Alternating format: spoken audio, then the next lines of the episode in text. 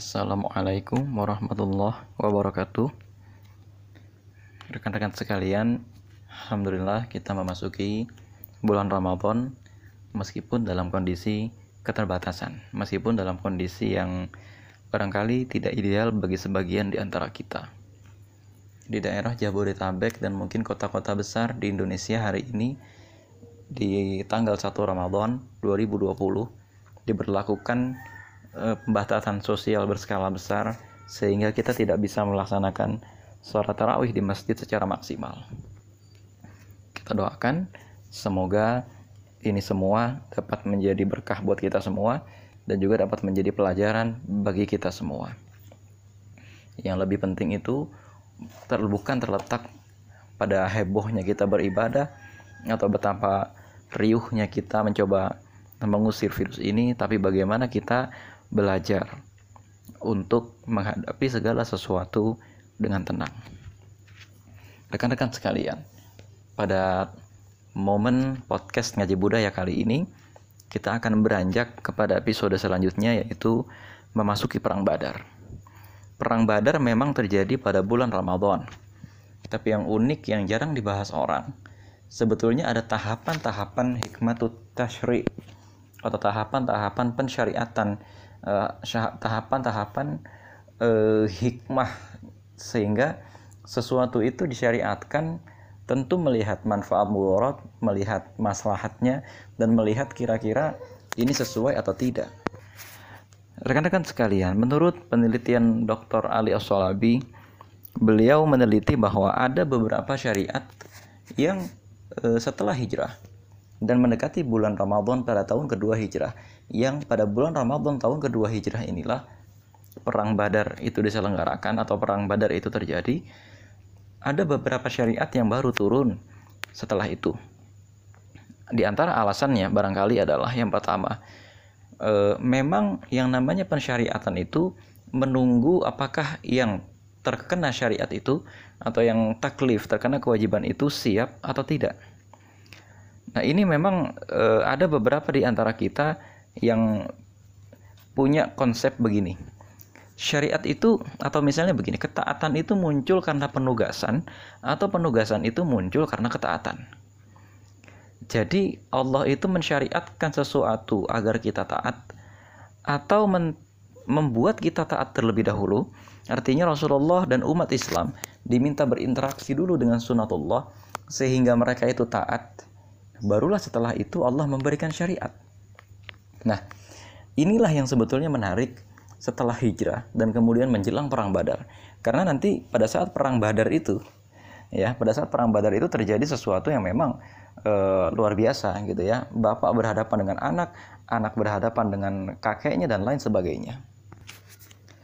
Nah, rekan-rekan sekalian, kalau kita mau sedikit mereview syariat-syariat yang turun setelah hijrah atau pada saat hijrah dan kemudian setelah hijrah pada dua tahun sebelum perang Badar gitu ya dalam proses setelah hijrah hingga menuju perang Badar itu ada beberapa syariat yang diturunkan oleh Allah.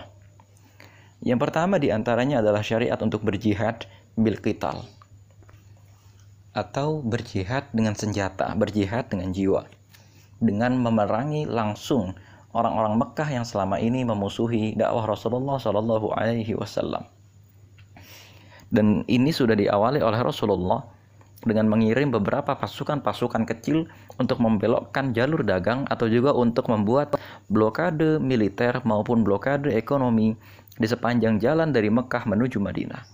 Sehingga akses Mekah menuju negeri-negeri yang lain yang melewati kota Madinah terputus lantaran jihad bil kital yang dilakukan oleh orang-orang muslim. Meskipun memang kalau menurut orientalis, kegiatan menutup jalur dagang ini e, di antaranya menurut Emil Durkheim dan lain sebagainya, bagi mereka tampaknya ini usaha perampokan atau usaha pembegalan Rasulullah terhadap kafilah kafilah-kafilah dagang kaum Quraisy. Padahal e, sebelum Rasulullah berhijrah, kaum Quraisy sendiri sudah ingin membunuh Rasulullah dan secara de facto maupun de jure Rasulullah memang sudah menjadi penguasa efektif di kota Madinah pada saat itu. Sehingga ini urusannya adalah antara dua suku atau antara dua peradaban, antara dua kekuatan politik yang sedang bertempur. Dan Rasulullah pada saat itu mencegat kafilah dagang Quraisy dengan tujuan untuk memotong mata rantai ekonomi kota Mekah. Sehingga korban akibat perang yang terjadi karena kekuatan sedang maksimal itu bisa dihindari. Perang akan lebih cepat berakhir apabila kekuatan itu betul-betul timpang sehingga moral pasukan menjadi lemah atau daya dukung logistik salah satu pasukan itu sangat kurang. Itulah tujuan Rasulullah. Sehingga kelak kita tahu dalam episode 10 tahun ke depan itu kira-kira ada sekitar 17 kali peperangan tapi korban sangat minimal. Bandingkan dengan perang-perang yang terjadi di masa modern maupun perang-perang lain yang terjadi setelah Rasulullah. Rata-rata jumlah korbannya luar biasa. Rata-rata jumlah korbannya pada saat itu betul-betul menakjubkan, sampai dengan ratusan ribu orang, atau minimal puluhan ribu orang. Sementara korban yang timbul akibat peperangan untuk berjihad di masa Rasulullah itu secara efektif, tidak sampai seribu orang. Selama 10 tahun 17 kali peperangan, korban tidak sampai seribu orang, ini luar biasa. Nah, rekan-rekan sekalian, eh, tapi kita beranjak dari situ, selain syariat jihad, ada juga syariat e, zakat, syariat puasa gitu ya, dan juga beberapa syariat yang lain. Seperti misalnya penyempurnaan syariat menikah dan lain sebagainya karena Rasulullah sendiri menikah dengan Aisyah beberapa saat sebelum perang Badar. Nah, rekan-rekan sekalian, e, di sini kita renungkan dulu sejenak. Jadi sebetulnya umat Islam pada saat itu itu taat dulu baru disyariatkan atau turun syariat agar umat Islam itu taat. Dalam hal ini mungkin kita sebagai kiadah ya kalau kita misalnya dalam hal ini bersikap sebagai pemberi syariat atau kita bersikap sebagai pemberi tugas kepada jundi-jundi kita atau kepada para aktivis dakwah di dalam eh, tanggung jawab kita. Kira-kira kita itu memastikan dulu ketaatan mereka, membina dulu pelan-pelan baru memberikan tugas atau sebaliknya memberikan tugas dulu dengan harapan tugas-tugas tersebut kita desain agar mereka lama-lama taat sendiri lantaran menjalankan tugas tersebut. Nah, kalau kita perhatikan, Rasulullah itu berdakwah di kota Mekah. Itu tiga tahun berdakwah secara sembunyi-sembunyi. Setelah itu selama 10 tahun lamanya berdakwah itu ya secara terbuka. Dan kalau kita perhatikan keumuman ayat keumuman bentuk surat, keumuman materi surat yang turun pada masa periode dakwah Makkiyah itu itu tidak banyak berisi syariat terkecuali pada persoalan akidah atau pada persoalan bagaimana meyakini qada dan qadar atau juga bagaimana meyakini hari kiamat. Contoh surat yang betul-betul mewakili dakwah di era eh, kota Mekah di era Makkiyah adalah surat Al-Furqan, surat Yasin, gitu ya, dan ada beberapa surat yang lain seperti surat Az-Zumar. Tidak terlalu banyak bicara soal syariat, tapi bicara mengenai hakikat ketuhanan, bicara mengenai hakikat takdir dan perbuatan manusia, juga berbicara mengenai uh, hari kiamat. Nah, rupanya di sini kalau kita memperhatikan dengan baik sirah nabawiyah, 13 tahun ditambah 2 tahun gitu ya. Itulah masa yang diperlukan oleh Rasulullah Shallallahu alaihi wasallam dan juga umat Islam untuk pelan-pelan menumbuhkan ketaatan, untuk pelan-pelan dibuat mengerti terlebih dahulu. Kalau kita perhatikan masa kenabian Rasulullah Shallallahu Alaihi Wasallam itu kira-kira 23 tahun kurang lebih. Ternyata lebih dari setengahnya itu digunakan untuk ideologisasi, digunakan untuk merinci hal-hal yang sifatnya pokok, digunakan untuk menanamkan nilai-nilai dasar keislaman. Baru setelah itu tahapannya adalah memberikan tugas setelah orang itu mengerti. Rupanya di sini Allah itu tampaknya memberikan satu isyarat dari sirah nabawiyah bahwa sebetulnya orang itu bisa taat kalau dia sudah mengerti. Orang itu sudah bisa thiqah, bisa puas dengan apa pun yang diperintahkan oleh kiadahnya, apa pun yang diperintahkan oleh eh, pimpinannya, atau apa pun yang menjadi hasil syura hanya apabila dia telah mengerti apa yang dia perjuangkan. Nah, ini adalah fitrah manusia. manusia itu hanya mau menjalankan dengan senang hati apa yang dia mengerti dan apa yang dia uh, pahami.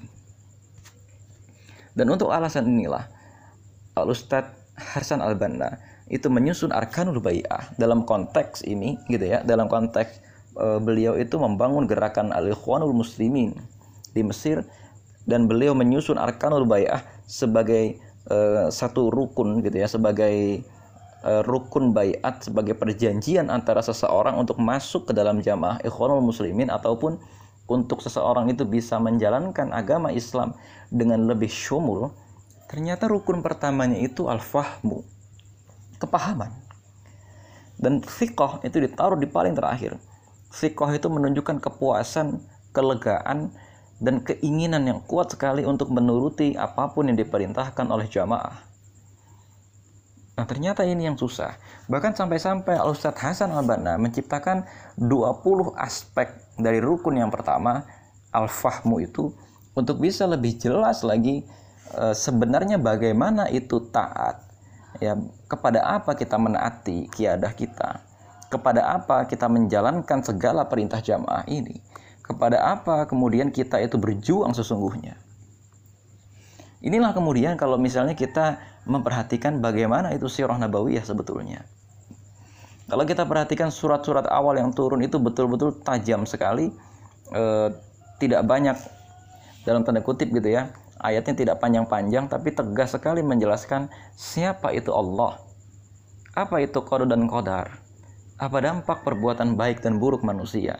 Bagaimana itu hari kiamat dan apa yang akan terjadi pada hari kiamat?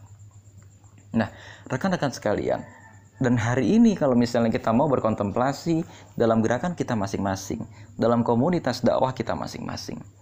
Terkadang di antara kita ada yang menafsirkan atau ada yang menerjemahkan bahwa ketaatan seseorang dalam suatu lembaga dakwah atau ketaatan seseorang dalam suatu komunitas keislaman itu muncul akibat penugasan-penugasan.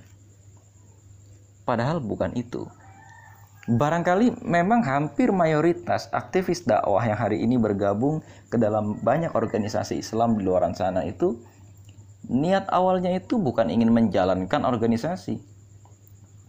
Hanya lantaran kadang-kadang begini, pengurus-pengurus dalam organisasi itu sudah jenuh, sudah tidak bisa lagi menjalankan tugasnya sehingga kita menganggap adanya angkatan baru yang masuk ke dalam barisan kita atau adanya angkatan baru yang bergabung ke dalam barisan kita kita terjemahkan sebagai tenaga segar yang siap melaksanakan tugas-tugas yang telah kita lalaikan atau siap menjalankan lubang-lubang pekerjaan yang ditinggalkan oleh generasi sebelumnya. Sehingga yang terjadi adalah generasi yang baru masuk ini tiba-tiba ketimpaan banyak sekali tugas. Generasi yang baru masuk ini kok tiba-tiba langsung menjalankan banyak sekali tugas tanpa kemudian generasi ini menyadari apa yang sesungguhnya sedang mereka perjuangkan. Adakah Islam yang selama ini mereka cari? Adakah Islam yang selama ini mereka tunggu-tunggu jawabannya apabila mereka telah bergabung ke dalam gerakan dakwah ini?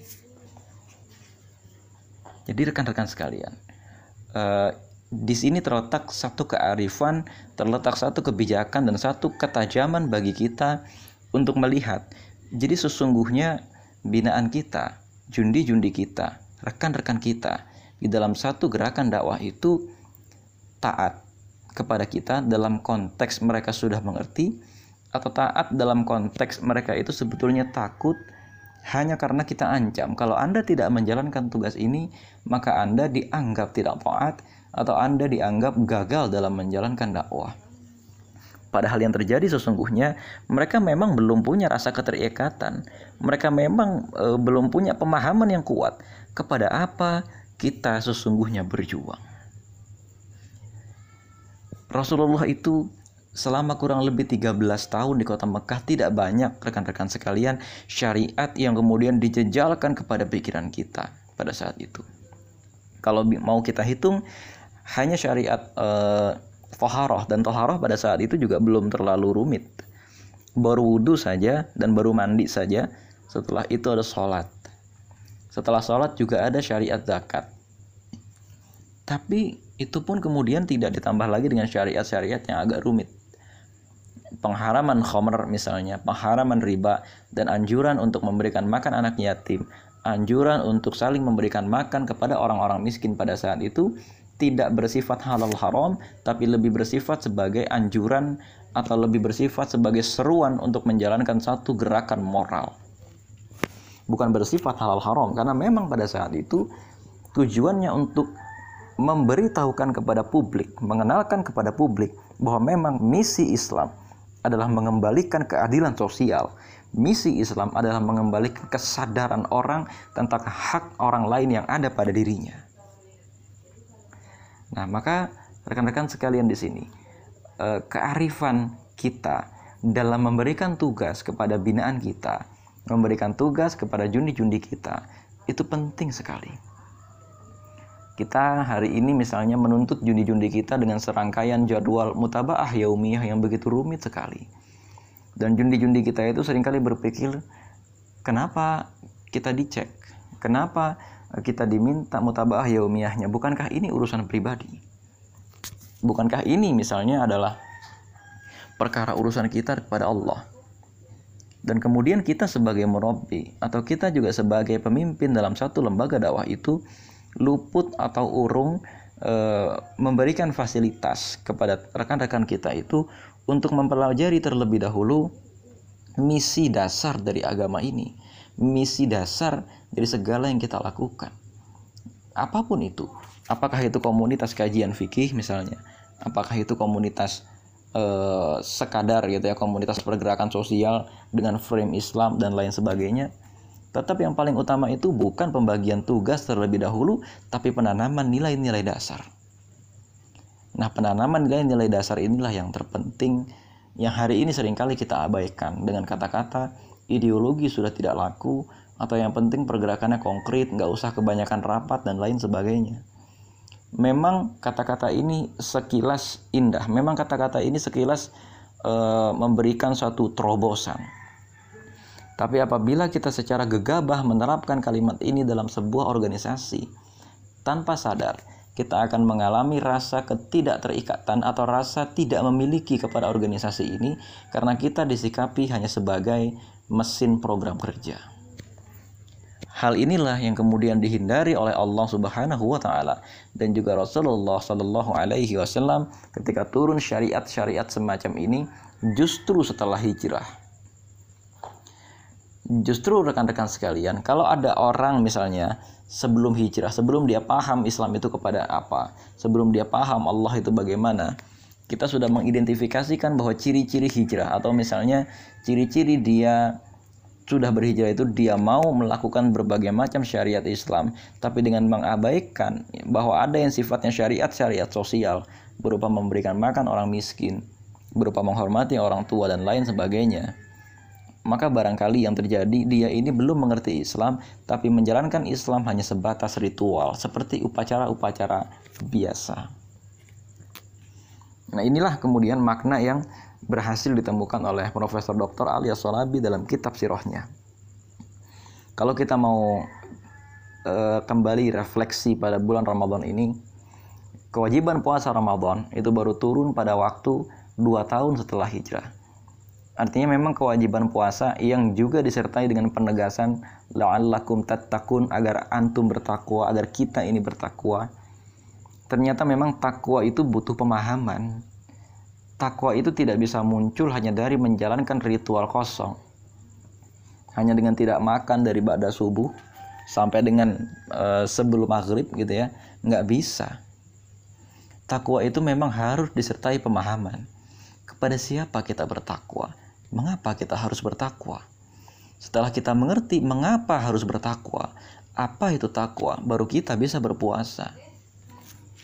Maka kita harus kasih tahu dulu kepada orang-orang yang menjadi sasaran dakwah kita bahwa sesungguhnya takwa itu adalah sikap berhati-hati sekali dalam kehidupan sehingga kita tidak berbuat zalim sebagaimana Umar bin Khattab radhiyallahu anh itu memberikan analogi bahwa takwa itu adalah kita berjalan di sebuah jalan yang penuh duri, penuh dengan sampah.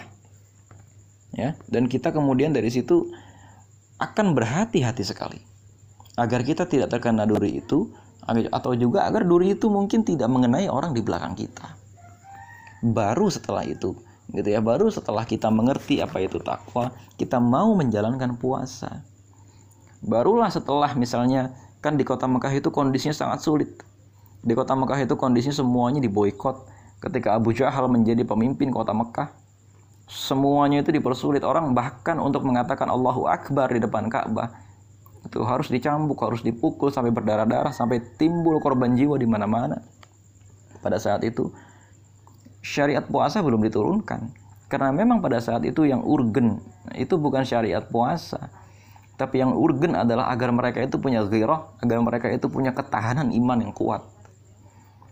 Dan memang ada benarnya ucapan orang yang mengatakan tidak bisa juga kita kita abaikan gitu ya bahwa iman, ketaatan atau juga takwa akan muncul setelah kita menjalankan e, ibadah mahdoh, setelah kita menjalankan syariat Allah. Tapi barangkali juga ada orang-orang yang butuh paham dulu, butuh pengertian terlebih dahulu agar dia baru bisa nanti menjalankan syariat yang berupa ibadah mahdoh. Nah, kemudian karena memang kita ini kadang-kadang kurang sabar, ya kita jadi tidak mau mengajari orang ini atau kita jadi tidak e, tidak ingin mengajari orang ini sehingga kita langsung saja menetapkan sejumlah kewajiban tanpa memperhitungkan bahwa orang ini sebetulnya belum mengerti kepada apa sesungguhnya Islam itu. Apa itu sesungguhnya Islam? Mengapa kita harus bertuhan? Mengapa kita harus beragama? Sedangkan sirah nabawiyah saja ya menanamkan itu kepada para sahabat Nabi selama kurang lebih 13 sampai 15 tahun rekan-rekan sekalian, kira-kira itu sebagai pembuka bulan Ramadan kita. Mudah-mudahan Ramadan kita diterima. Assalamualaikum warahmatullahi wabarakatuh.